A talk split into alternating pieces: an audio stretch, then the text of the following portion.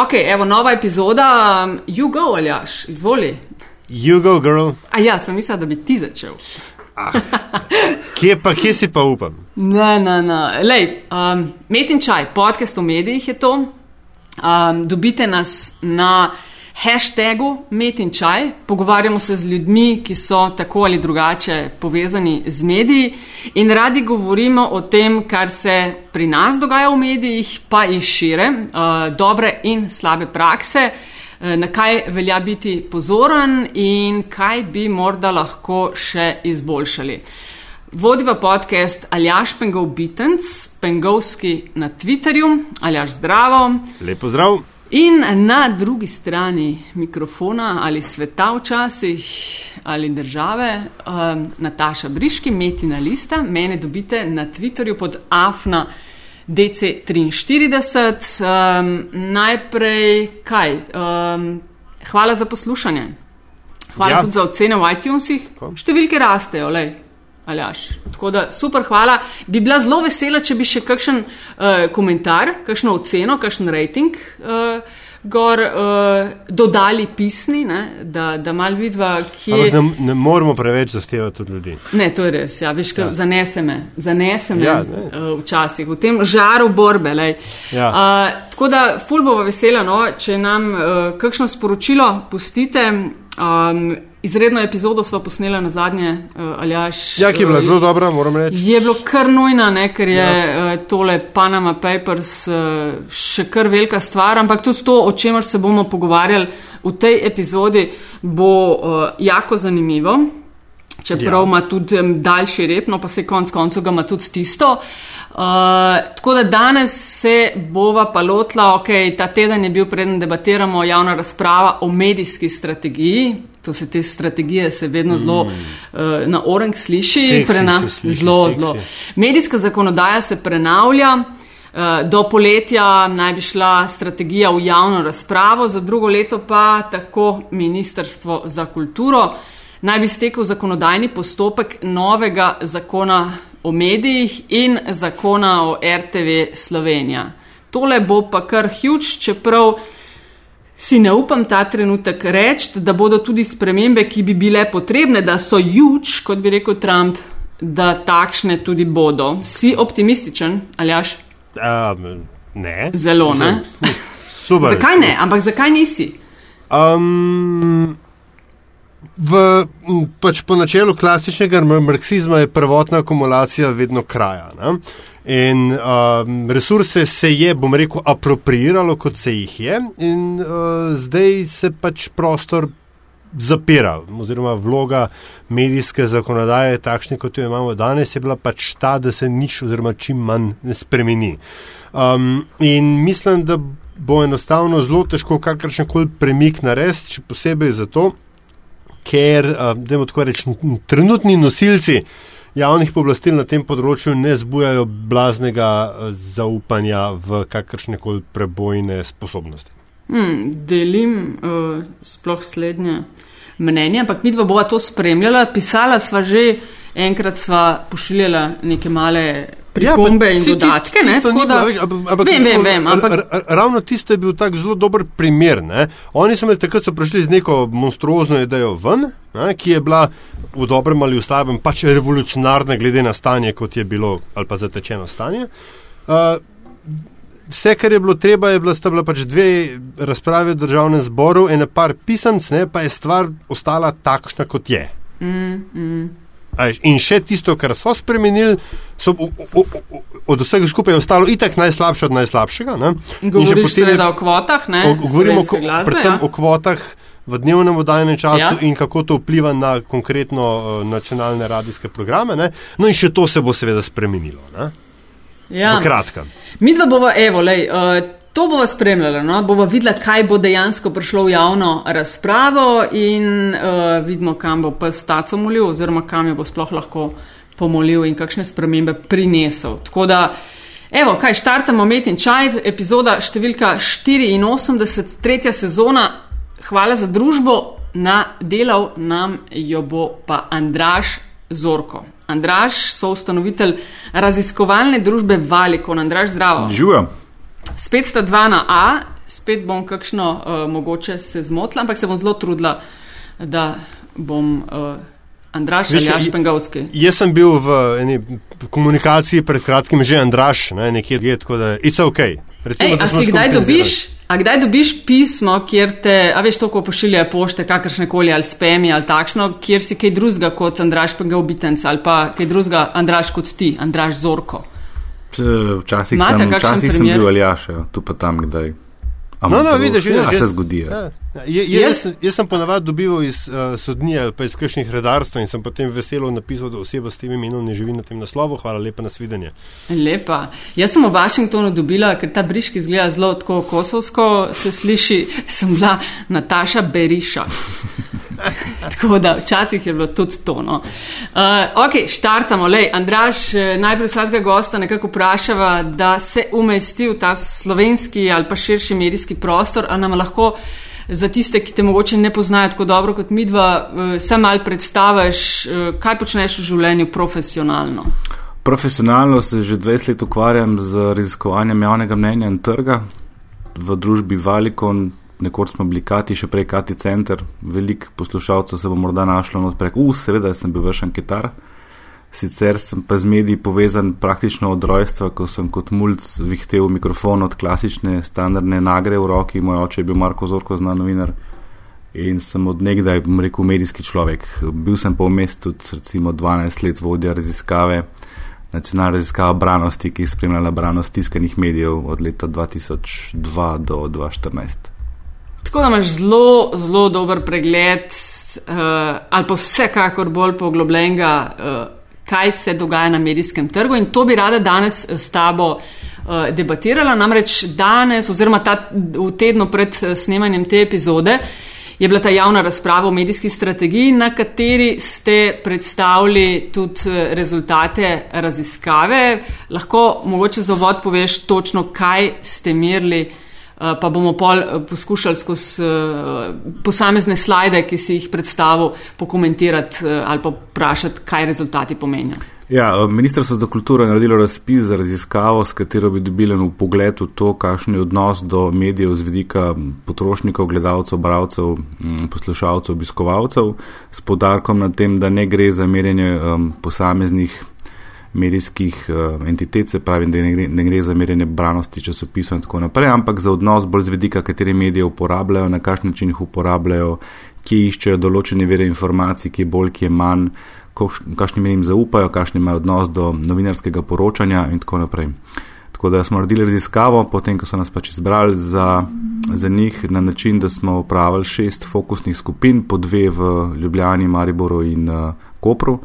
Ena skupina so predstavljali, ena skupina so predstavljali mlajši uh, ljudje, se pravi stari od 15 do 30 let. Poseben podarek je bil na tem, da se posebej obravnava mlajše, ker se predpostavlja, da so njihovi vzorci uh, v medijske potrošnje precej drugačni, kot je to primer pri starejših ljudeh oziroma pri tistih nad 30 in seveda druga skupina te nad 30. Opa, mi smo že starejši nad 30. Ja, jaz... ja, smo. Face it, baby. Lej, I know, I know. V našem poslu je en, en zelo zanimiv trenutek, ko se dobi baze podatkov ne, in se potem pripravlja starostne razrede za ja. analize. Ne, in sem tam no. tisto premikanje meje med mlajšimi in starejšimi šlo z mano skupaj z, z mojimi leti.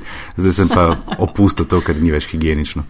Počas, še malo, še dvakrat gremo spat, pa bomo izpadli iz tiste najbolj željene skupine. Ampak, okay, demo, mogoče to, to je zelo, zanimiv, um, zelo zanimiva istočna točka. A, prvič, a so res take razlike, kot eh, domnevamo, ne, da so vsi, ki pametujemo o usodi medijev in ali je to povezano, da če sem pamet vprašal, ali je to povezano z upadom branosti tiskanih medijev, pa bomo šli ven iz tega, iz tega kalupa, ampak čisto za začetek.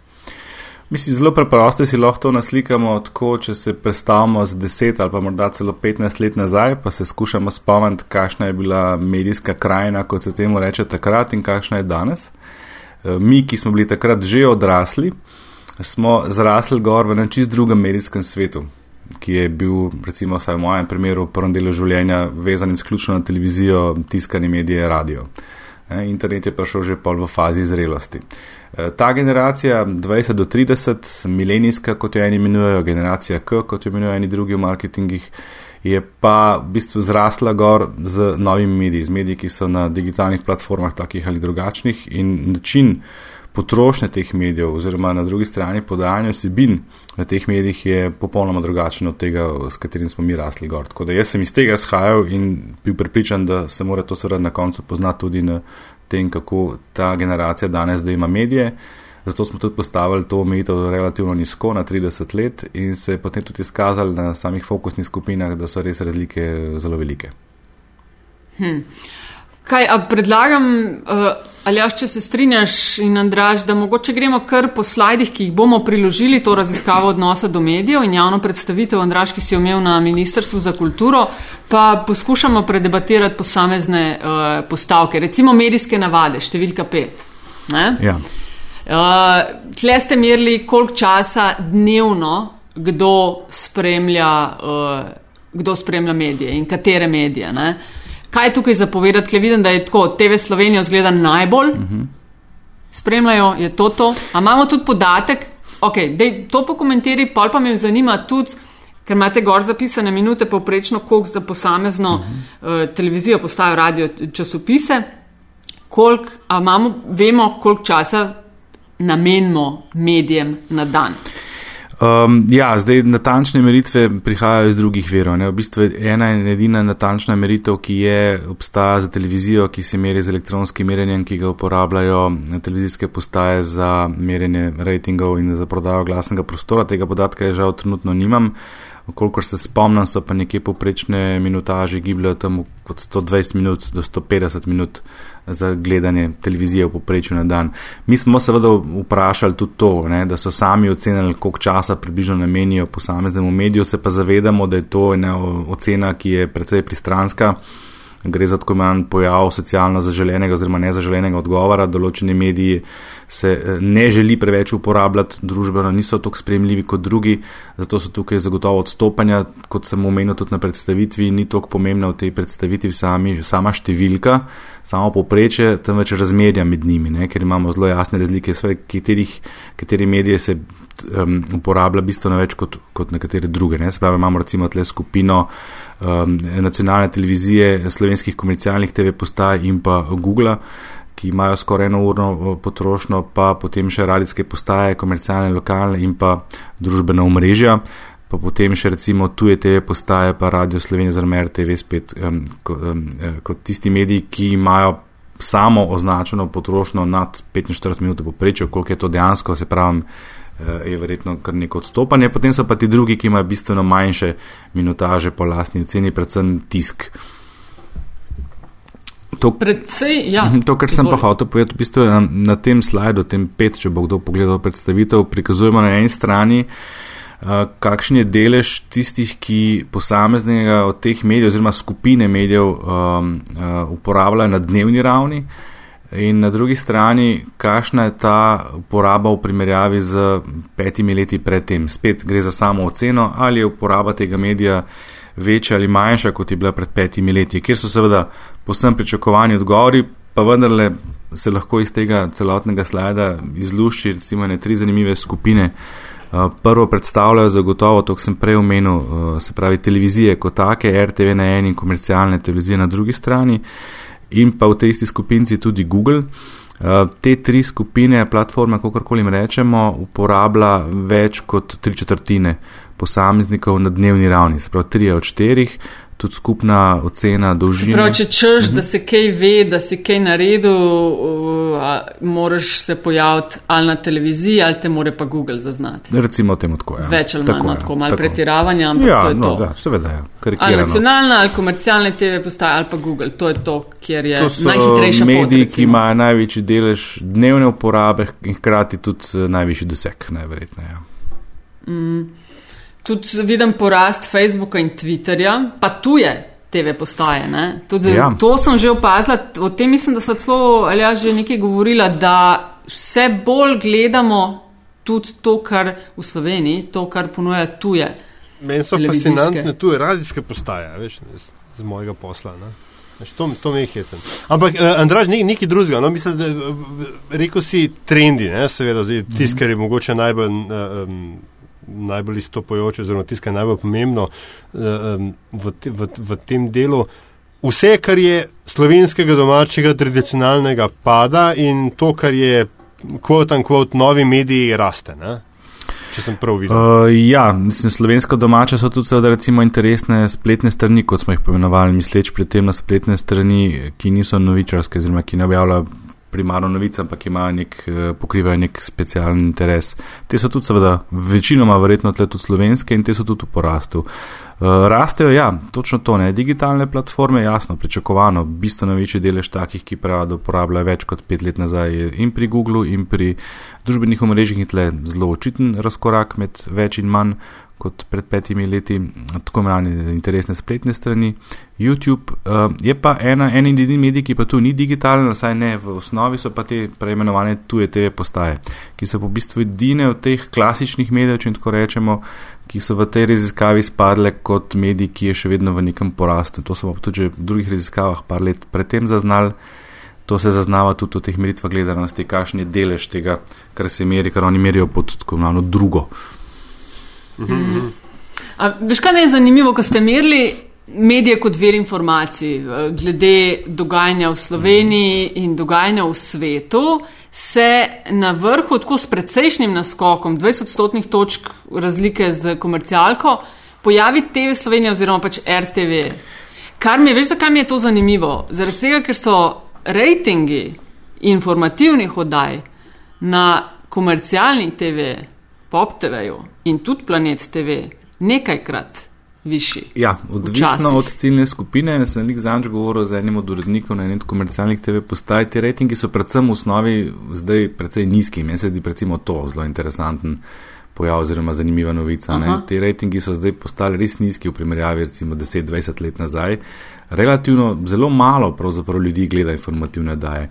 Spet pa pravim, neodvisno od ciljne skupine. RTV Slovenija je izrazit medij, ki pokriva, mislim, medij, ki izrazito dobro pokriva populacijo nad 50 let, pa, pa otroke. To se je tudi v tej raziskavi recimo pokazalo, ko smo merili posebej ta sklop, ki bi namenjen RTV-ju v odnosu, da ne pohvalijo predvsem ta del, ne, da so zelo dobro daje med starejšimi hvalijo, pa za otroke. Ne, ti so mesen del, ta, ki ga pa pokrivajo bolj komercialne televizije, pa, pa ravno ne. ne. Tako da, ja, ne, ta razkorak je bolj posledica tega, da smo tu merili vire informacij z vidika posameznega področja in seveda potem odvisno, kdo je pa tisti, ki ga to področje zanima. Ne. In če si omenil recimo dogajanje v Sloveniji kot področje, ki ima najvišji odstotek tega zanimanja ja. na dnevni ravni. Ne. In tam je, tam je RTV kot glavni vir informacij v vsakem drugem primeru, potem je pa, kot si rekla, 20 odstotnih točkov nižje, mm, pa mm. so pa ostale komercialne postaje. Ampak to je področje, ki ga daleč najbolj zanima ki, uh, skupina Starejšo, starejših ja, upokojencev ja, ja, in tako ja. naprej. In potem ta logična povezava. Ne? Ja, dogajanje v Sloveniji je tako valjda razumljivo. Nas vse zgleda pač najbolj zanima. Logično. Potem so rekel, ja, ja. Iz, uh, informacije iz lokalnega okolja, viš, pa se pa, pa, pa na koncu te te lestvice pa mednarodna politika, kultura in umetnost. Uh -huh. uh, veš, to mednarodna politika, zunanja politika je vedno res padel rejting gledanosti, razen če ni šlo za, za pokrivanje kakšnih, vem, naravnih katastrof, pa terorističnih napadov, pa to mhm. zraste in je to tudi na začetku dnevnikov. Ne. Sicer pa zgleda, ja, da to ljudi zelo ne zanima, čeprav se kle sprašujem vedno, uh, aljaška je kultura in umetnost, a to mogoče ne znamo, a veš, kaj nam je Diana Matkovič govorila v, enem, uh, od, v eni od epizod, da se mogoče ne znamo lotiti ja, na prav način, mislim, da ni tako zanimivo. A? Ja, glej, ja, veš, mislim, je zanimivo, samo ne znamo zanimivo. Ja, to je spet zgodba iz kaosa, okay. ker smo pač mi to kulturo dosti forsiramo in je, uh, da se, seveda se da. Ja. Samo moraš uh, prebiti dva, uh, kar se temu reče, uh, tabuja. Ne? In en je, da je. Uh, Da na kulturo gledaš skozi oči, veš, Josipa Vidmarja, oziroma temu primerne uh, kulture, ki mora biti seriozna, resna in v državnem interesu. Ne? In uh -huh. pa uh, točka dve, da je, da razširiš pojem kulture. Veš, da so, ne vem, to je verjetno povezano, to je povezano tudi z prelomom v konzumaciji medijev. Veš, kultura so seveda tudi grafiti na Metelkovi, zdaj, zdaj, zdaj si izmišljujem. Ja, štekam, štekam, kaj hočeš um, reči. Ja. In, in uh, ta del, ne, se pravi, da razširiš pojem in da razširiš uh, percepcijo, samo percepcijo, mislim, tvojo percepcijo kulture. Ne, in potem se seveda da. Ne, in, še, in potem lahko ti o, ne vem, um, premjeri Iliade v Cankarevem domu poročaš tako kot, ne vem, skoraj tako kot iz podelitve Oscarjev ali pa najmanj iz, ne vem, Golden Globov. Ne? Mm. Da se narediti. In kot je rekel uh, Nikola Sekulovič in to vedno ponavljava, če to ja, delaš ja, ja. skozi profesionalno in je nivo outputa. Tam, tam, se pravi, nekako standarden, potem boš ta premik naredil. Če boš potem naredil ene Viktorje in to naredil cel glamur iz tega, in potem 364 dni v letu nič, pol ne bo nič. Ale, ja, Ališ, ja, ja. Tako da se, se mi zdi pa no, tole, ker se pravi ta na kaj to slide 7. Ne, um, Vse te uh, razdelitve se mi zdijo zanimive. Jaz sem 13, ko pregledala, drugače. Aha, no, ampak recimo ja. mediji kot vir informacij, ne, imaš pregled ključnih indikatorjev. Spet se nam podarja tisto, kar je recimo rekel uh, Antiša Korjan. Ne. Lokalni časopisi in revije, oziroma ja, v tem primeru ja. regionalni, ne, so skoraj polo, za skoraj polovico uporabnikov prim, če prav razumem, ja, primaren vir, vir ja, ja, ja. Uh, informacij iz lokalnega okolja. In je TV Slovenija šele kaj, četrti. Ne? Ja, ja, ja. ja. A, da, a gre tudi tukaj, Andraš, mogoče je kakšna razlika, uh, oziroma najbrž je, ampak um, v vem, regionalni konzumaciji, ko, a, a, a so bili rezultati iz vseh treh dvojcev fokusnih skupin podobni? Ja, mislim, na splošni ravni ja, so pa seveda jasno pričakovane razlike. Mi smo namenoma izbrali ta tri mesta, ravno zaradi teh razlik, ki izvirajo v nekih kulturnih okoliščin, zgodovinskih. Vemo, da gre v bistvu za tri središča treh res resnično različnih regij v Sloveniji, primorske, kranske in poštajerske, če malo ponestavim. In jasno, recimo v Mariboru smo se precej več pogovarjali o nemških televizijah, o nemških avstrijskih programih, ki so tam bistveno bolj spremljani. V Kopru so se večkrat obrnili proti Italiji. Ampak, kar sta pomenila te informacije iz lokalnega okolja, tle je zelo zanimiv pojav. Jaz sem osebno vodil um, fokusno skupino Mariboru in sem tudi tam to doživel v živo. Namreč uh, Facebook postaja vedno bolj pomemben vir informacij iz lokalnega okolja. To morda mi, ki živimo v mestih, ne zaznamo na ta način, kot to doživljajo v mestih, v ostalih predeljih Slovenije. Vemo pa, da večina Slovenije živi v manjših krajih, mm -hmm. kjer se osnujejo razne skupine, interesne, ki so v bistvu, katerih je skupni interes lokalno okolje. In so mi dobesedno razlagali, da oni najprej tam zvejo, kje je kakšen kanal odprt, pa kje je kakšni cesti, kakšna luknja. In to celo v skupini starejših, ne samo mlajših. In tudi na tem slajdu sedem se lepo vidi, da je Facebook, Twitter oziroma družbena omrežja kot taka že na petem mestu kot najbolj pomemben vir informacij iz lokalnega okolja in zenačen z RTV Slovenija. Zanimiv mm. podatek. Ne? Ja, tudi, veš... tudi, sorry, ampak tudi to zanimivo, da uh, za dogajanje v svetu pa ni tako zelo. Po, pač ta odstotek kot Facebook, Twitter, kot vir informacij, ne, ni toliko večji kot recimo za lokalno ali pa za nacionalno dogajanje. Ne? Facebook, Twitter, oziroma družabna mreža, družbena mreža postajajo en tak uh, omniprezenten vir, ki se pojavljajo mm -hmm. praktično pri večini teh področjih, ki smo jih merili, nekje malo više, nekje malo niže, tako kot mm. Google. A pa so, ki si delal to fokusno skupino, ki so rekli, da prek uh, Facebooka in družbenih omrežij, če dalje pogosteje zvejo. A to zvejo od posameznikov, se pravi prijateljev, ali zvejo od lokalnih, ali tako dobro delajo lokalni časopisi, revije, televizije, radi, da uh, od njih zvejo. Se pravi, od teh nekih kao uradnih virov ali bolj referrals od prijateljev. Mislim, da bolj to drugo, vse tak je bil moj občutek. Ja.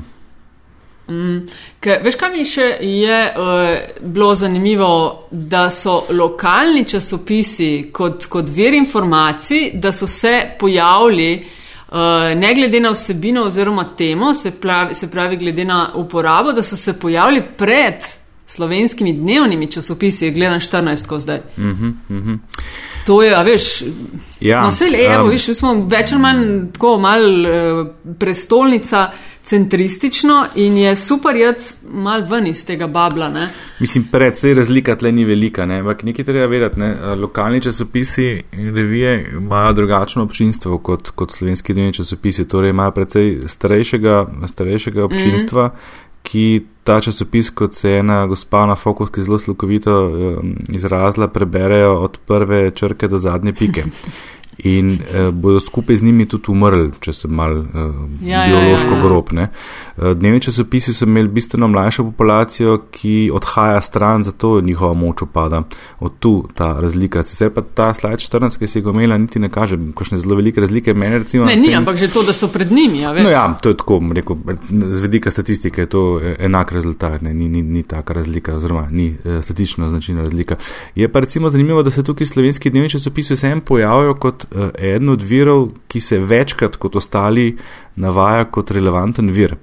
Ne? Zato smo tudi to izpostavili v tem grafu, ker v tistem prvem, ki sem ga prej omenil, so kot najbolj pomembni mediji nastopili spravi, vse različne televizije, od domačih, komercialnih, javnih, tujih in vse, kar je digitalnega.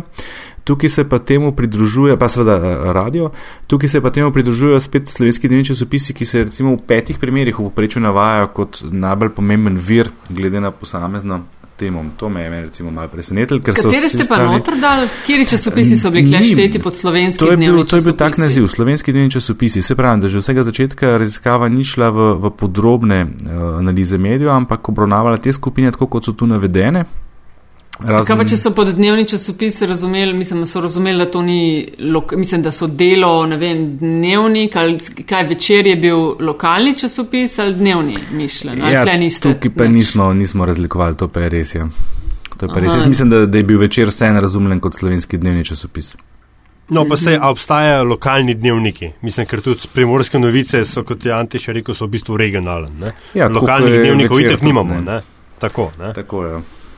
Ja. Ampak uh, nekaj, nekaj drugega, veš, mogoče nazaj uh, spet, ne, če govorimo pač o trendih in percepcijah. Ne, kaj ja. je bil slide, slider 7, Nataša, uh mhm. -huh. ta, je, ja. ta, ta je bil teb za podnos. Um, ja.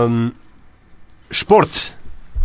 Daleko, daleko uh, pred vsemi, ne, TV Slovenija kot uh, vir informacij športnih in potem dolgo časa noč in pol slovenske komercialne TV postaje. To je pa logično, ne? Mislim, Vse prenose imajo. ja, ja, ampak je logično, samo po mm. drugi strani pa, veš, tako kot recimo produkcijsko, ki zna pop, pa zdaj akana šport delati, ne, bi se verjetno marsikdo lahko šel kaj učiti, ampak vendar, ne. A je spet tukaj kaj, starost publika odigrala, ali so tukaj ne, kakšne? Ne, ne, to je po mojem, mislim po mojem, sem pa prepričan, da je to posledica tega, da ima javna televizija večino športov, razen trenutno se mi zdi nogometa, Ja, ma koliko nimajo, ni več, ne, ne, ni tako, ker je, veš, skoki so že na planetih imel, recimo, minimalno, koncu tist, sezone. Minimalno, ene, dve, tri tekme, ja. Lige prvakov so na komercialki. Nogomete na komercialki, tako, tako.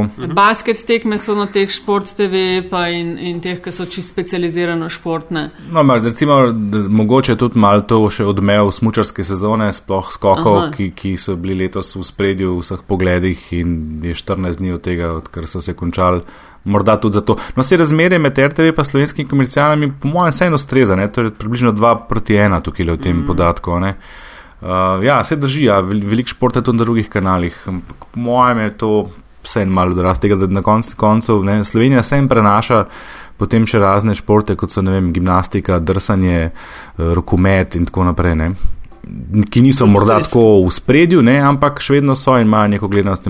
Komercialno zanimive. Ja. Mm. Ja. Kaj, kaj skaj tako folk na fokus, fokusnih skupinah še kaj govoril, da si si, recimo, ki si pač tisto, ki si vodil, da si si zapomnil, kaj so glede medijev, kaj se ti je zdelo, da, da jih najbolj skrbi, vem, da, da največji gnev vse nosijo, najbolj hvalijo.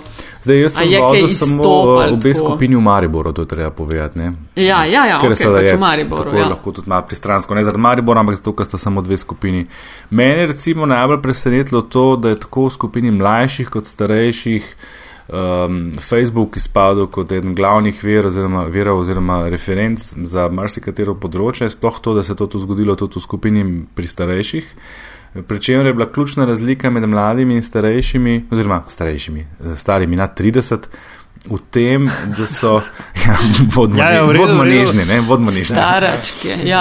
Kavamo še dobro, ja. Ključna razlika je bila v tem, mene so recimo mladi zelo pozitivno presenetili, ker so bili tudi istočasno zelo kritični do tega, kar se na Facebooku pojavlja. Vsi so si v en glas priznali, da je Facebook glavni ver za praktično vsa področja, kar se njih tiče. Ja. Uh, so bili pa skupini zelo različni posamezniki, od recimo srednje šolke, ki je bila uh, ljubiteljica in oboževalka resničnostnih šovov in na televiziji gleda samo to, do fanta, ki je prisegal izključno na neodvisne spletne medije kot vire informiranja in govoril o bablih, filtrih in mehurčkih in tako naprej. Um, in sta se recimo oba strinjala, ne, da je Facebook ključen ver.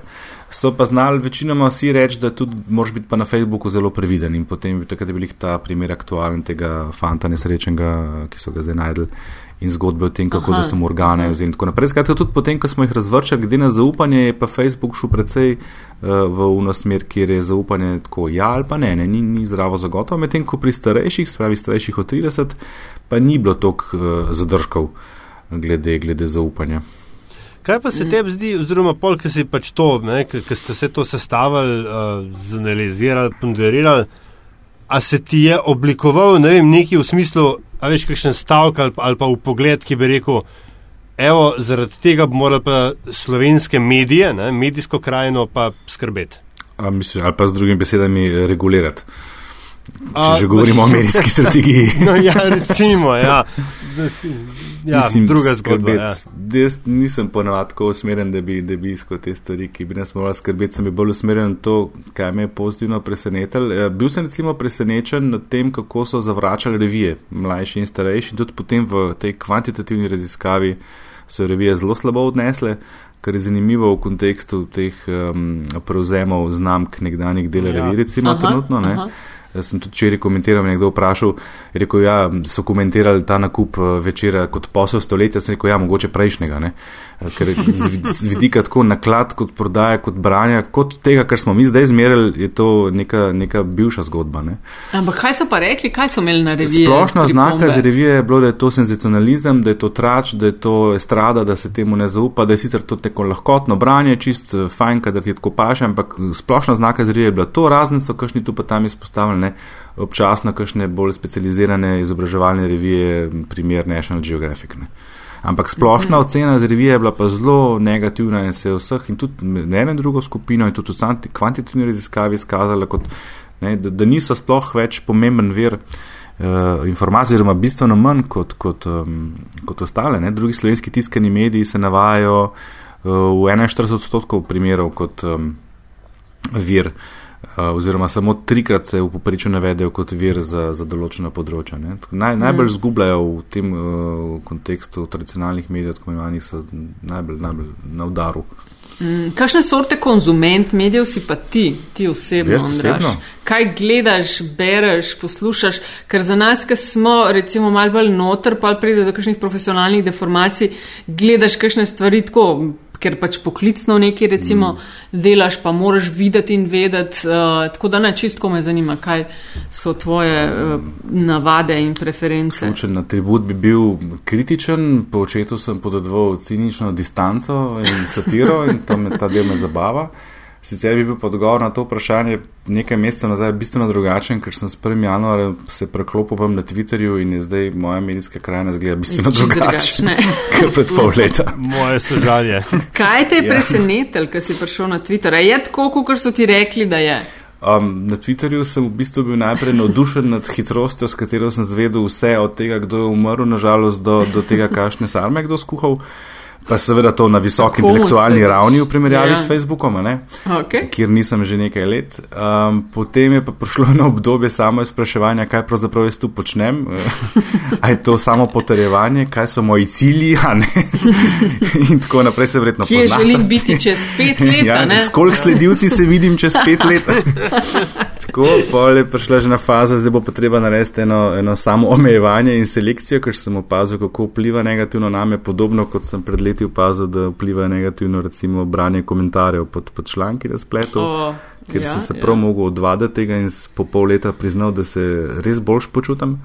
Si dejansko bral to? Wow. Ja, eno obdobje, ne vem zakaj, ščizga dolg časa verjetno. Ali pa vse čas v nekem upanju, da bom pa vendarle tam najdel neke pametne misli. Ker povej, kjer nisi imel. Nisem komentiral, samo bral sem. Ja, ja, ja. Vojer, vojer, čisti vojer sem bil. Na Twitterju je pa obratno, na Twitterju sem pa bolj, bolj uh, ekshibicionist kot vojer, no, če smo že pri teh primerjavah. Mm. Ok, glej, uh, mislim, da se nekaj že omenil, ampak. Um, pomembnost in zaupanje medijem. Uh -huh. Spletne novice, oziroma prav razumem, spletni, splet kot vir novic, ne, je za obe generaciji, se pravi mlajše in starejše konzumente, na relativno podobni poziciji v tej dvo, tem dvodimenzionalnem grafu. Uh -huh. uh, to je lahko dobra, nov, mislim, dobra novica, da, da ne rečem dobra ugotovitev za prihodnost medijev doma. Ja, zdaj je spet to, to govorimo o grafu, ki je na strani 22. To je v bistvu en prikaz, bolj tak um, ilustrativen iz fokusnih skupin. Skratka, tu ne gre za eh, empirično umestitev teh uh mhm. -huh. medijev na te pozicije, kot jih na teh slikah vidimo. Uh, tle je šlo za to, da so oni na fokusnih skupinah liste z temi nazivi razvrščali nekako, koliko pomembni se jim zdijo in koliko zaupanja vredni so. Je pa ja, ta skupna lastnost, kot si omenil, ne, točno to, ne, v spletne strani, sprav novičarske, recimo VV novice so v obeh primerjih, obeh skupin eh, v tem zgornjem desnem nepomembni in zaupanja vredni, pri mlajših se tam pojavljajo tudi tako imenovane interesne strani in to je ta skupna točka, eh, ki je zanimiva in sleko prej pričakovana. Stavek, ki se ga bom verjetno najbolj zapomnil, pa še mrzdo drug iz raziskave je bil, da si brez interneta ne znamo več predstavljati življenja. To se je mm. pojavilo kot prav kot citat. Tudi, ko smo se pogovarjali o različnih virih informacij ali pa področjih, ki zanimajo, na koncu vse nekako skonvergirali do Google. Mm. Mislim, ker druga ugotovitev, ki jo imam, pač, ki, oziroma, ki jo vidim iz tega, je pač, da lokalne, lo, so lokalne razlike postaje pri obeh eh, kategorijah enako uriti. Ne? Uh, ampak uh, ne mi je pač zanimiv eh, ta, ne, a veš, ker vsakeč, ko kakšen medij umre, ne, oziroma rečejo, zdaj bo pa samo še na spletu, v Sloveniji je bil pred časom to žurnal, uh, v, kaj je bilo to, lani poletje ali predlani, sem že pozabil, pred par tednov nazaj, da je Independent nehal izhajati v tiskani mm -hmm. obliki, ostaja samo še na spletu. Ne? In vsi rečemo, veš, mislim, prim, prvi refleks nas, starih prcev, ne, je, oh, ne, to je pa zdaj samo še umirjene na obroke. Ampak. To kaže, da mogoče ni nujno, je pa seveda res, ne. po drugi strani, da je konkurenca pa enormna na spletu. Ne? Veš, kako je s temi napovedmi. da bodo tiskani mediji umrli, so napovedovali v, v koncu 80-ih let in jim dal še največ 20 let. Spravi, to je bilo 15 let nazaj, pa, pa so še prekleto živi, ne? nekateri celo rastejo. Ne? Um, ja, jaz bi te stvari zelo, zelo z rezervo imel. Te apokaliptične napovedi. Ja, ja. Sicer so mi blizu, tako kot filme gledam, ampak v resnici pa, v resnici pa ne. ne. Ja. Le, merili ste tudi odnos uh, do medijev, medijev v Sloveniji danes in v velikem odstotku uh, se strinjajo, so se vprašani strinjali, da so vplivni. Um, sicer še več jih je pa reklo naslednje. Ne? Da so enolični, da so vsebine posod bolj ali manj enake, isti veri, da so zavajajoči, uh mhm. -huh. da vsebine ni to, kar naslovi in napovedi obljubljajo, uh -huh. uh, da, in da so politično opredeljeni. Uh mhm. -huh. Vse te atribute smo v bistvu dobili iz fokusnih skupin. Tudi en glavnih namenov teh fokusnih skupin je bil, da dobimo izraze, ki jih ljudje uporabljajo in njihov način razmišljanja, ker smo vsi preveč upleteni v to, kar počnemo.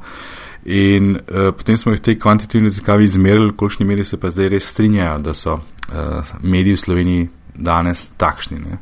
In mm. To, uh, da, so, da so senzacionalistični, da na naslovi govorijo eno osebino, pa drugo, da to počnejo samo zato, da pritegnejo branost oziroma da koristijo interesom ali kapitala, ki hoče imeti više rejtinge, ali pa na drugi strani zaradi oglaševalcev in tako naprej, so bile najpogostejše ugotovitve na fokusnih skupinah. Meni tudi presenetil nivo rezoniranja, ki je bil bistveno bolj poglobljen, kot sem jaz v osnovi pričakoval. Ne? Ker če bi sklepali po, po rejtingih uh, TV oddaj, kjer so na vrhu resničnostni šovi uh, zelo vprašljivih vsebini mm in mhm. kakovosti z vidika neke, neke inteligence, na drugi strani uh, dosegov tako imenovanih um, rumenih medijev, bi sklepali, da je poprečen mestski potrošnik temu podoben, pa ni temu res tako. Ne? Te rejtinge so visoki zato, ker ljudje pač kruha in njega rabijo tudi zabavo in uh, te stvari gledajo, ni pa rečeno, da jih tudi hkrati obožujejo. Ni vsak gledalec tega tudi oboževalc. Tako da je uh, odnos do medijev precej bolj kritičen, kot smo pričakovali, ko smo izhajali samo iz teh dosegov. Ker to je bilo glavno vprašanje. Ne? Zakaj vsi kritizirajo to vrstne oddaje, naprimer, rejtingi so Hkrati pa najvišji. pa gledajo, ne. Je pa Ja. potem tudi ena odeleženka na, na, na fokusni mi zelo lepo razložila, da seveda ljudje imamo različne potrebe in te oddaje zadovoljujejo eno od teh potreb in rejting je odraz tega, ne pa uh, oboževanja to vrstnih vsebin ali pa česa takega. Ne. Ko smo mm. pa govorili o, o novinarskem poročanju, eh, so pa zelo poglobljeno, v bistvu res presenetljivo poglobljeno razpravljali o tem, kakšna bi morala biti novica, jih primerjali, recimo ta moja izkušnja z Maribor, predvsem z nemškimi mediji, da se tam tudi uh, locirajo, oziroma identificirajo, detektirajo probleme, ampak tam se potem ukvarjajo novinari s tem, kako se take probleme rešijo, iščejo primere, pozitivne prakse, svetujejo ljudem, kako rešiti kakšno zadevo, medtem ko se pri nas izpostavlja samo problem, čisto kot neka bombastična novica, nihče pa ne gre korak dlje. Ne. Vsi so pogrešali večjo poglobljenost pri novinarskem poročanju, da bi šli več ljudi vprašati, da bi si več časa vzeli novinarje za posamezno temo in, in se je to zelo lepo sestavljen tak uh, paket, ki bi mu lahko rekli senzacionalizem z več vidikov. Ne. In me, me recimo te odstotki potem tle ne presenečajo, potem, kar sem slišal na fokuski, da res označujejo in to zelo močno v bistvu medije danes kot enolične, zavajajoče, točno tako kot je pisalo, ne, sebina ni to, kar naslovi napovedi obljubljajo. Politično opredeljenje, zanimivo, ne, pri tem se pa zelo redko kdaj omenila uh, ta delitev levo-desno. To je pa zelo interesantno. Ja, mi smo se uh, hoteli temu izogniti. Jaz sem celo v prvi verziji vprašalnika imel te, da so mediji levi, desni, so rekli, ne bomo počakali na, na fokusne skupine. En sam je recimo začel nekaj o tem govoriti, sploh ni bilo to vrstnega opredeljevanja, kar je presenetljivo glede na, na izvajanje enega od um, nastopajočih na, tem, uh, na tej javni razpravi na ministrstvu, ki je izrazito delil spet ne, na Slovenijo na levo in desno, češ toliko je levih uh -huh. voljivcev, toliko je desnih in koliko ima kakšen medij in tako naprej. Jaz mislim, da je ta delitev levo-desno zelo umeten koncept in se je to tudi lepo pokazal, ker praktično je niso omenjali. Ne. Govorili so o politični opredeljenosti, govorili so o enostranskih prikazih um, dogodkov ali pa dejstev, govorili so o političnem kadrovanju za RTV Slovenijo, niso pa govorili o levi-desni politiki. Ne. Mm, In povedali so tudi, da, da vse pogosteje opazijo v medijih negativne novice in da tudi zaradi tega težje navedejo primere pozitivnih. Ne? Zgleda, da tako je se že, že debelo v nas usidralo bad news uh, iz good news, ki je recimo da v medijih, ki delujejo na klasičen način. Uh, Ne, vem, ne moram sicer reči vodilo, ampak mm. pogosto je, a veš, če, če šprica kri, wow, to se bo gledal in Ja, to je, se to, to daje je na vrh, z ne? logiko m, kapitala, rejtingov in oglaševanja. Ne. Jaz sem Lizan skušal malo se spomniti, kako so pa res gledali novice v, v 80-ih, ne, sej, ali pa še, še bolj nazaj, v 70-ih. Ne. Tam se je bilo pač veliko novic o uspehih te Ja. njene tovarne. Je vse bilo otvoritvah, super, ja, pa je dobički, krasne novice so bile, ne. srečni. Ampak Ja. ljudje niso bili nič bolj srečni takrat, ker se meni Ja, tiče. isto ne, niso verjeli, ne. Ja, seveda, da ne. Na koncu Ja, ja, ja, se je ja. zmenili za družinsko mizo. eh, Kaj je res in kaj ne. In potem v 80-ih so bile poglavno spet samo negativne novice, pa so bili ljudje bolj pozitivno razpoloženi, ne? zanimivo. Ne? Ja, ja, ja. Uh, poglejmo še tole. No. Uh, se je na Twitterju pojavila informacija v zvezi s prepoznavanjem dobrih novinarjev. Uh -huh.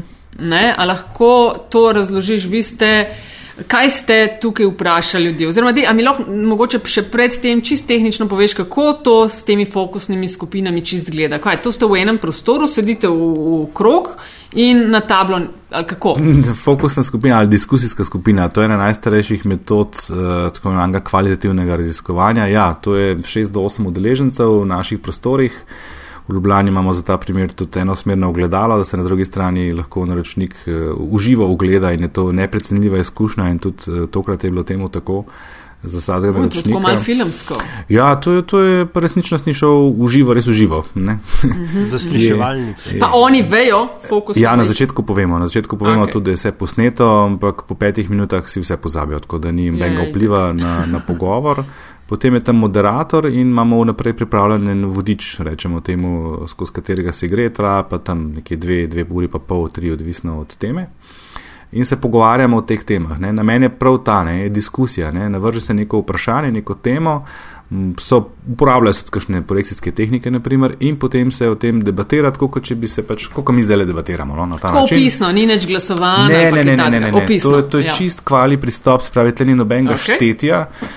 Razen recimo včasih, če je teh skupin veliko, ne, recimo v tem primeru je bilo tako, je pa to, če sta skupina ena ali dve, potem res ne štejemo nič, ne bog ne da, da bi tu kakšne odstotke prikazoval iz tega. Mm -hmm. uh, zdaj, ko smo imeli šest skupin, smo si lahko recimo prvošili, da smo rekli, da se nekdo ali nekaj večkrat umeni. To že, ja, Ker ja. te skupine pa niso reprezentativne, to je treba vedeti. Ne. To so ljudje zbrani po kriterijih starosti, Eh, v tem primeru je bila predvsem starost, pa drug pogoj je bil, da jih je bilo polovica iz mesta, v katerem smo bili, polovica pa iz obrobja oziroma iz manjših krajev v bližini teh mest.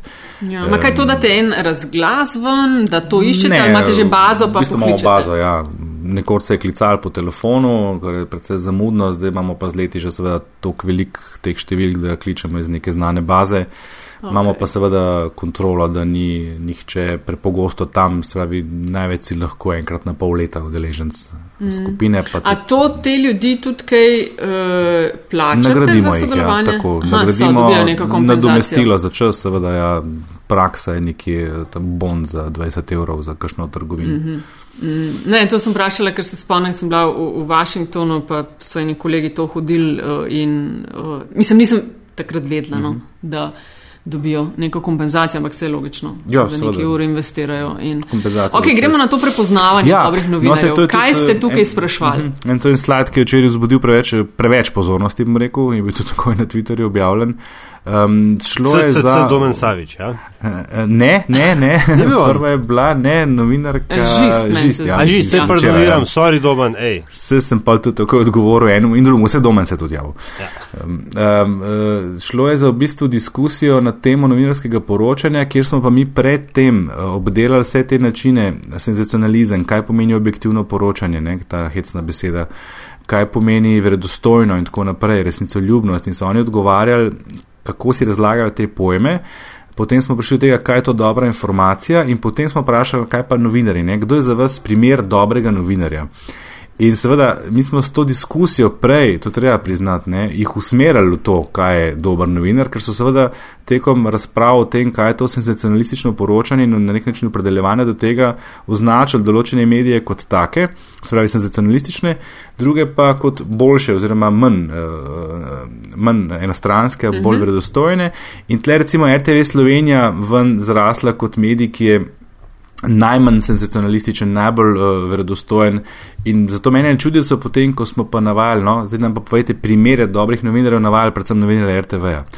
Pa predvsem voditelje. Pa dela, pa, pa predvsem voditelje, seveda, ja, to, to je bilo pa pričakovano, ne, se to sem tudi v skupini sliko na uredu, ne, to so voditelji, zdaj probimo pa še kakšnega novinarja, tam je šlo potem počasneje, ne, ja, ker ja. je zanimivo, recimo, da se mojca Mavec pojavi v, v tem kontekstu, ne, čeprav ne, se prekašni ne, pa se je voditelj, ampak ja, a veš, ali pa Marjan Jerman, recimo, ne, ne. Tudi, ne vem, če je voditelj. Tako, da mislim, da je no, to. Tem, skratka, vsi so skoraj, no, z izjemo teh izdela. Čak, dajmo jih našteti, ajde, lej. Na, tej, na tem, uh, kar ste predstavili, so se uh mhm. -huh. našli iz RTV Andrej Karoli, Igor Ebergant, Rozvita Pesek, Slavko Bobovnik, Marjan Jerman, Mojca Mavec, Jure Longika in Marcel Štefančič. Potem pa delova trojka, Lenart Jakučič, Janez Markeš in Boštjan Videmšek. To je to. Tako, tako. O tem govorimo. S tem, da bomo zdaj poudarili, to so uh, novinari oziroma voditelji, ki so jih udeleženci fokusnih skupin, ki so sestavljene, kot sem preomenil, izpostavili kot primere dobrega novinarja. Tle ne moramo zdaj razvrčati, da so to edini dobri novinari v Sloveniji ali pa da je kdo izmed njih eh, boljši, čeprav je bil seveda bobovnik večkrat omenjen kot vsi ostali. Ampak to je primer potem, ko imamo diskusijo, kakšno je novinarsko poročanje, kaj jim v redu in kaj jim ni. Ne? A lahko, a lahko tukaj, eh, bom rekel, nekako sklepamo, ne? ali pa si dom, nekak, da mogoče to kaže tudi na tip medijskih vsebin, ki jih vsaj pač te fokusne skupine konzumirajo. Ne, zato ker smo imeli, kot rečeno, v skupinah tudi ne, recimo, ne sem gledalko, prav oboževalko resničnostnih šovov ali pa gledalcev. Oni so brez voditelja. No, ampak recimo tudi uh, udeleženke, ki so prisegale na informativno, da je izključno 24 ur uh, pop TV. Ampak, Meni hecno, da ni nobenega ja, Zanimivo je, ker je bilo recimo, razmerje, ne, ko so govorili o informativnih oddajah, je bilo nekje pol pol, ne, ko so govorili, kaj oni sicer gledajo, čisto uvodoma, ja, ko jih vprašamo. Tudi, ne, ja. soda, ker tako tudi je ne, na, na populaciji. Ampak potem pa niso, niso pa izpostavljali njihovih voditeljev, to pa, to pa drži. Morda. Da, da, to si dobil ček iz RTV-ja, pa še enega majčkega izdela in ampak- dobro V kakšnem odnosu smo z RTV-jem? Ja, ampak to je, ampak to je res hecno, ne? glede na to, da se skozi na, pač, eh, po, popu oziroma m, produkcijske hiše Pro Plus ne, nekako označuje, da ne rečem, meče naprej, da se grejo zvezdništvo. Ne? Ja, ja, ja, zelo brendiranje voditeljev. Ja, ja, samo še kaj, Več kot kdorkoli drug. Lih v ja. tej diskusiji o, o tem, so, kaj pomeni senzacionalizem in tako naprej, so izpostavljali 24 ur način poročanja kot tako, kot negativno, a veš. Zato se meni zdi pričakovano, da se pravi, ne, na nek način smo mi usmerili te odgovore, ampak naš namen itak ni bil, da bi naredili neko lestvico. Nam, naš namen je bil, da nam dajo primer, kaj se oni predstavljajo, potem, ko, ko, se, uh, ko se razpravlja o tem, kakšno je novinarsko poročanje in kaj pomeni senzacionalizem in pristranskost in verodostojnost, in potem, zdaj mi pa povej, kaj je dober novinar. Ne? Um, ja, kaj se dotaknemo še RTV, ker ste tudi to posebej merili, ne? pa je to glih naša nacionalna uh, hiša, za katero vsi ali pa skoraj vsi plačujemo, koliko je 12,75 na mesec. Ne? Um, kaj je pokazala, uh, kaj je vaše merjenje? Um, meni je mal padla, mislim, ven skače, da očitek, uh, ki ga povezuje z RTV in sicer politično kadrovanje tudi. Ne? To je nekaj, kar je prišlo ven v fokusnih skupinah. Eh, RTV kot institucija je sicer izpadla kot uh, tistih uh, podatkih, ki smo prej govorili, kot najpogosteje uporabljen oziroma citiran vir informacij z različnega področja, največ, največkrat jo navaja kot vir. Potem v tem posebnem delu, ko smo pa govorili prav o RTV in posebej po tem TV radijskem programu, so pa uh, imeli par očitkov. Na eni strani so hvalili program predvsem za otroke, otroški izobraževalni del, predšolski otroci, predvsem osnovnošolski otroci, ta del, in pa informativne oddaje na drugi strani, oziroma um, dejansko, da so manj, manj enostranski. Ne bom rekel, da so vse stranski, pa objektivni, tega niso rekli, ampak da so manj senzacionalistični, da so, bolj, mm -hmm. da so bliže temu, kar ne bi bilo um, novinarsko poročanje, kot se ga oni predstavljajo in tako naprej. -hmm. Kritizirali so pa predvsem mlajši, seveda, da gre za zastarelo uh, institucijo, da je to predvsem za starejše. Uh, in eni in drugi so omenjali, uh, očitali RTV-ju politično kadrovanje. Zato smo ta, ta atribut potem dali noter v to kvantitativno meritev, kjer se je večina ljudi strinjala, oziroma razmerje je kar konkretno uprit tistim, ki menijo, da gre na RTV za politično kadrovanje, ne 42 odstotkov mm -hmm. proti 11, ki se s tem ne strinja. Ne? Mm -hmm. Sicer so pa presenetljivo, bom rekel, morda ker so se z jezikom veliko ukvarjali, predvsem mlajši, tudi to me je zelo presenetilo. Označili RTV, da, da lepo skrbi za slovenski jezik. Ne? Uh, najlepši, najlepši prikaz je morda tisti, ki si boš pogledati uh, to prezentacijo, slide 33-34, kjer je percepcija, to je iz fokusnih skupin, uh, kjer, je, kjer je asociacije izstopajo. Ne? Če pogledamo med mlajšimi, je to uh, novice, šport, politika, dolgočasnost. Mhm. Ne, če pogledamo pa starejše, pa so pa dobro jutro, odmevi, Naročnina. dnevnik, naročnina, tednik, svoje oddaje, pa slavko bobovnik spet. Ne. To je ta ključna razlika. Ne. In ko smo na začetku sploh tega sklopa spraševali, kaj je to javni interes, ta, ta, ta čudna skovanka, ne. kaj, kaj res si predstavljajo kot javni interes in ko smo ga opredelili, ko so ga sami opredelili, smo jih vprašali, ali RTV uresničuje javni interes, kot ste ga ravno kar opisali, je vsak četrti rekel da in še dva od petih, da ne dovolj dobro. Skratka, če še štejemo, dve tretjini se v osnovi strinja, da RTV uresničuje javni interes, uh, od tega bosta dva od treh rekla, da ne dovolj dobro. Ampak tisto, kar je zanimivo, pa ta razlika demografska. Kdo so tisti, ki se strinjajo? Ne? So starejši, z nižjo izobrazbo, uh, upokojenci, šolajoči in poročeni, recimo kot zakonski stan izstopa. Na drugi strani tisti, ki se pa sploh ne strinjajo, da RTV uresničuje javni interes, mlajši, uh, višja izobrazba, se pravi srednja ali več zaposleni, na drugi strani in zunaj zakonska skupnost, to mi je zanimivo. Ja, in le, evo, oddaje, ki jih spontano navajajo kot dobre na RTV, uh -huh. izključno to, se vidi Studio City, tednik, dnevnik, odmevi, uh -huh. živ žal, uh -huh. dobro jutro in vse je mogoče. Ja, veliki To- hit RTV. Ja. Ja. Dobro jutro, pa- mi ni čisto jasen, ampak evo, ok. Ja. Ful gledajo. Ja, dobro, vem, to ful, vem, dobro, samo. res je pa, da ni nujno ja. povezano visok rating s tem, kaj je dobro ali pa slabo.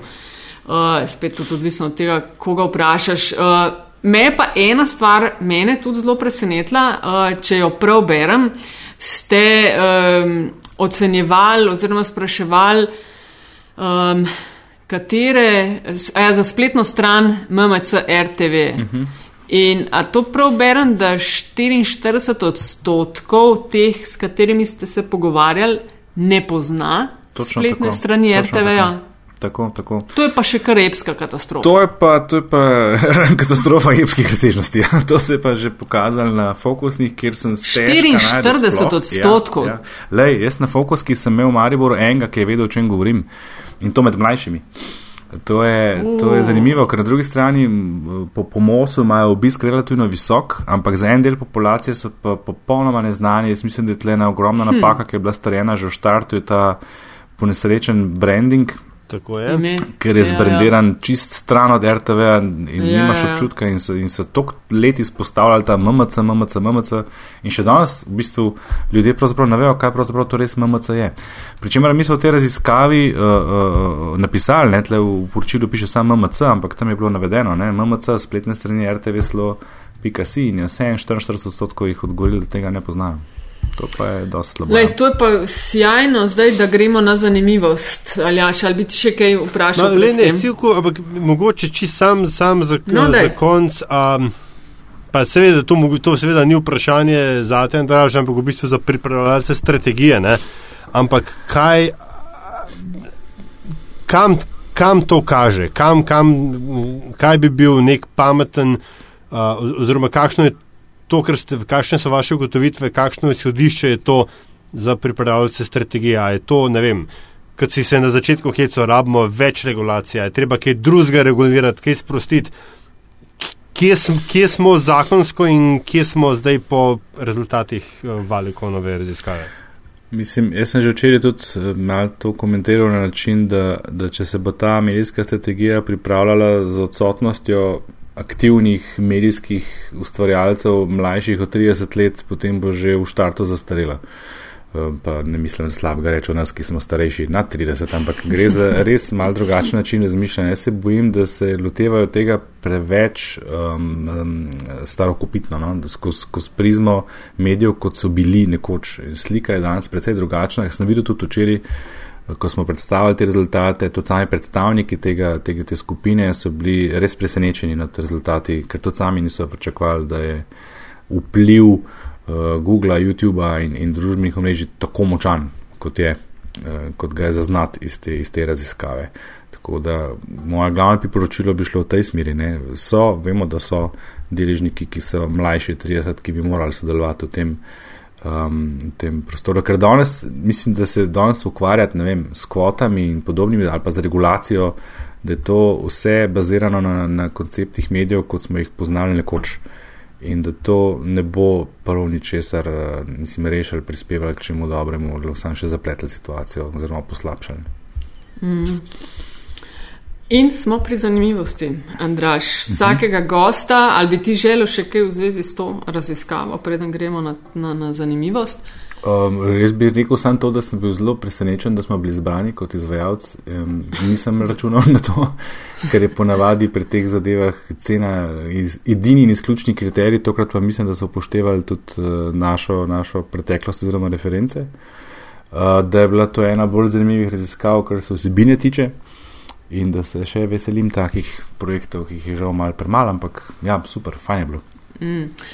Lej, pol pa kar vprašanje za konec, enako vsakemu gostu oziroma gosti, da vprašamo, da nam pove nekaj, česar ne vemo, da z nama deli kakšno podrobnost, ki je bodi si povezana s tem, kar uh, profesionalno počne uh -huh. oziroma počneš, lahko je to čist nekaj X, s čimer se ukvarjaš, uh -huh. pa tebe zanima, pa ocenjuješ, da bi bilo fajn ali pa da bi utegnilo zanimati še več ljudi. Tako neke sorte, tell us something we don't know. A veste, da izvajamo nevrološke meritve uh, odziva nezavednega dela možganov na državljaje audiovizualne? Da je to po No. slovensko še malo povej. Razloži, kaj videl, delate. da bo zanimivo. To je nekaj, kar povezuje in to, kar jaz počnem in kar me navdušuje. In me po 20 letih, odkar sem v tem poslu, spet uh, postavljal tisto počutje, Notko kot sem ga tega. imel ja, tako, ja, na začetku. Uh, gre za nevrološke dobesedne meritve z uporabo mm, elektroencefalografa, EEG po domače, če imate izkušnjo uh -huh. s tem. To delamo v sodelovanju s podjetjem Blackbox, slovensko, slovensko podjetje, ki je razvilo uh, uh, platforme za uporabo teh naprav, ki zaenkrat prihajajo še iz Nemčije, so pa že custom made za naše potrebe. To je naprava, ki meri električne impulze iz naših možganov. S tem, da smo zdaj zadevo tako poenostavili, da je tudi uporabnikom prijaznejša, da so meritve sploh možne, da imamo take tako imenovane, ljubkovalne rečemo, vaterpolo kape, na kateri so te diode pritrjene in s temi diodami merimo, kot rečeno, električne impulze z možganov, merimo pozornost in pa čustveno reakcijo na audiovizualne vsebine, ki jih prikažemo tem ljudem, ki jim ponovno ne rečemo več respondenti, ker ne govorijo več, ampak jim pravimo subjekti. In na ta način merimo v bistvu odziv uh, nezavednega. Ne? Spravi, mi vemo, da človeški možgan, oziroma zavest, naša zavest predstavlja nekje 5%, v najboljšem primeru 10% tega, kar mi počnemo, kar naš možgan počne. In za kakršno koli raziskavo, kjer mi sprašujemo ljudi, se sprehajamo po teh 5% možganov. Da ne govorimo seveda o vseh teh okoliščinah, kot so družbeno pogojeni odgovori, pa družbeno zaželeni odgovori in tako naprej. Ne? S to metodo, s to napravo prehajamo pa v tisti del možganov, kamor ne ti, ne jaz, ne, ne, ne, mislim, ne, ne, ne vidva, ne jaz nimamo dostopa niti sami, kaj želi kdo drug. Uh, in zaenkrat smo izmerili 250, oziroma odzive na 250 oglasov z celotne regije nekdanje Jugoslavije, zelo zanimivi rezultati, vsak, vsaka meritev posebej novo spoznanje. Uh, od tega, recimo, da smo mogli v Sarajevu premikati diode, ko smo po desetih subjektih ugotovili, da, da ne zaznavamo signalov pozornosti, in smo na koncu ugotovili, da imajo v Bosni drugačne lubanje od zadaj ker imajo pač, uh, ja, ker imajo način um, pri dojenčkih, ne jih dajo spat na hrbet. Pri nas je popularen bok, bok ja. oziroma trebuh, kolikor kdaj. Tam je pa hrbet in imajo precej bolj sproščene lobanje od zadaj, in smo morali diode drugače nastaviti, da smo sploh dobili signal za pozornost, dost močen, da smo ga lahko zmerili, recimo take stvari.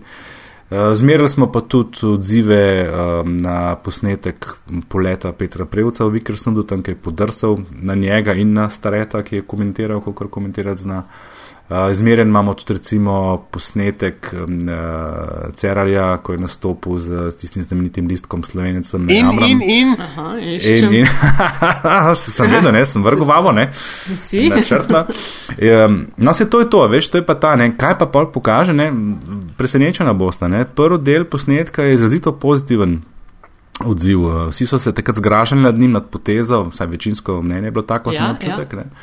Uh, začetek je bil izjemno dober, v bistvu so bila pozornost zelo visoka, čustva na visoki ravni, uh, do trenutka, ko je pa začel nekaj preveč razlagati, zakaj je tako in s tistim listkom gor pa dol pletati, pa se skupaj dol padel. Skratka, imel je odličen nastavek, imel, ne, ki bi ga mogel mogoče mal bolj natrenirati. Ne. Se pravi, ideja v osnovi ni bila slaba. Čeprav takrat se marsikomu zdelo, da ni temu tako, ampak se Ja, pravi, ja. ja. mi s to napravo merimo tisto, česar tudi sami ne razumemo, ne? zakaj mi v določenem momentu ravnamo, kot ravnamo. Ne? Mm. Imamo super primer, ne vem, oglasa za ledo, kjer si vedina nastopa. Noto, če ste ga videli slučajno s kornetom. Ne, nisem. tega smo zmerali tudi s klasično metodo, ki se sicer še vedno uporablja, ker je to tudi zanimivo videti, kaj si pa ljudje mislijo, če jih vprašaš o tem. In tam po klasični metodi, spraševanja, je ta oglas izpadel kot neprimeren. Ljudje se, so se hoteli mal zgražati eh, in tako naprej, ne? ko smo dali pa kapco na glavo, so pa krivulje pokazale svoje, kakšna je Kje so? prava Kako si reakcija. rekel, 10 odstotkov je zavednega, ne? So we are predictably Pet, irrational. pet. Ariel je odlična knjiga, odlična knjiga, Pet. ki govori točno o tem. Uh, smo pa pred časom, le zdaj, ko si to kapco pa te uh, diode ali elektrode uh -huh. opisoval, sem se spomnila, da smo ne tako dolg nazaj na strani Meta znanost objavili pogovor, intervju z psihologinjo Katarino Beguš, ki dela točno to in sicer na dojenčkih. Uh. Uh, ja, tracking delajo, kam uh, več se naučijo, če jim tisti, ki jih učijo, sledijo, kam jim gre pogled in neki to, kar pač noter zmerijo, kot če jim usilijo oziroma pač mhm. oni govorijo, kaj bi se mogli učiti. Mislim, tako mal daljše branje. Vsekakor priložim link, ker je zelo zanimivo. No, in isto s, ta, s tem EEG-em. Ja, no, se, mislim, te fante iz Black Boxa, ne, partnerji ja. naši, uh, oni se ukvarjajo s tem primarno na medicinskem področju. Njihov uh mhm. -huh. cilj je mhm. razviti uh -huh. uh, platformo, ki bo omogočala, da ti bojo na podlagi meritve uh, zmerali verjetnost, da boš imel Alzheimerja čez 30 let. Joj. S takimi stvarmi se oni ukvarjajo, njim marketing bolj on the side, ne? Uh, ja, dodaten ja, ja. revenue stream, kot se reče temu strokovno. Mi, nam je pa to pa primarna stvar marketing, tako da smo se zelo ja, lepo ja. našli tle. Uh, lej, se veselimo še, tle pa to pa je čisto novo področje. Se pravim, ne, mi zdaj smo šli en korak stran, gremo, gremo v smeri merjenja odzivov na persone, ne, se pravi javno nastopanje, potem so na vrsti um, radijske vsebine, pa okusi, embalaže. Vse poskusno se je že delalo, recimo na, še prej smo sodelovali, so že delali um, na, na tem tekmovanju, za najboljšo kransko klobaso. Eh, delajo za Krapoviča, recimo odziv na, na zvok auspuhov, delajo za pipistrel odziv na, na dotik usna za pilotski sedež, ne, ker je seveda priročno, da če pilotu zagati in se prime za sedež, da je odziv pozitiven in tako naprej. Ja, hej, ful zanimivo. Hmm, sem vedel, da vam bo to všeč. Ful, ful. uh, ful, hvala ti za tvoj čas. Ful, lepa hvala, res. Vama za povabilo, seveda. V totalni užitek, kdaj povej še, kje na Twitterju te dobimo? Jaz sem pa Et Andrazus. Andrazus, ful, hvala. Tako. Afna in, bo, in, ja. in Afna DC43, a ko bo medijska strategija v zuni in operativna, bo, bo mogoče fajn spet kaj podbatirati, koliko je preživelo.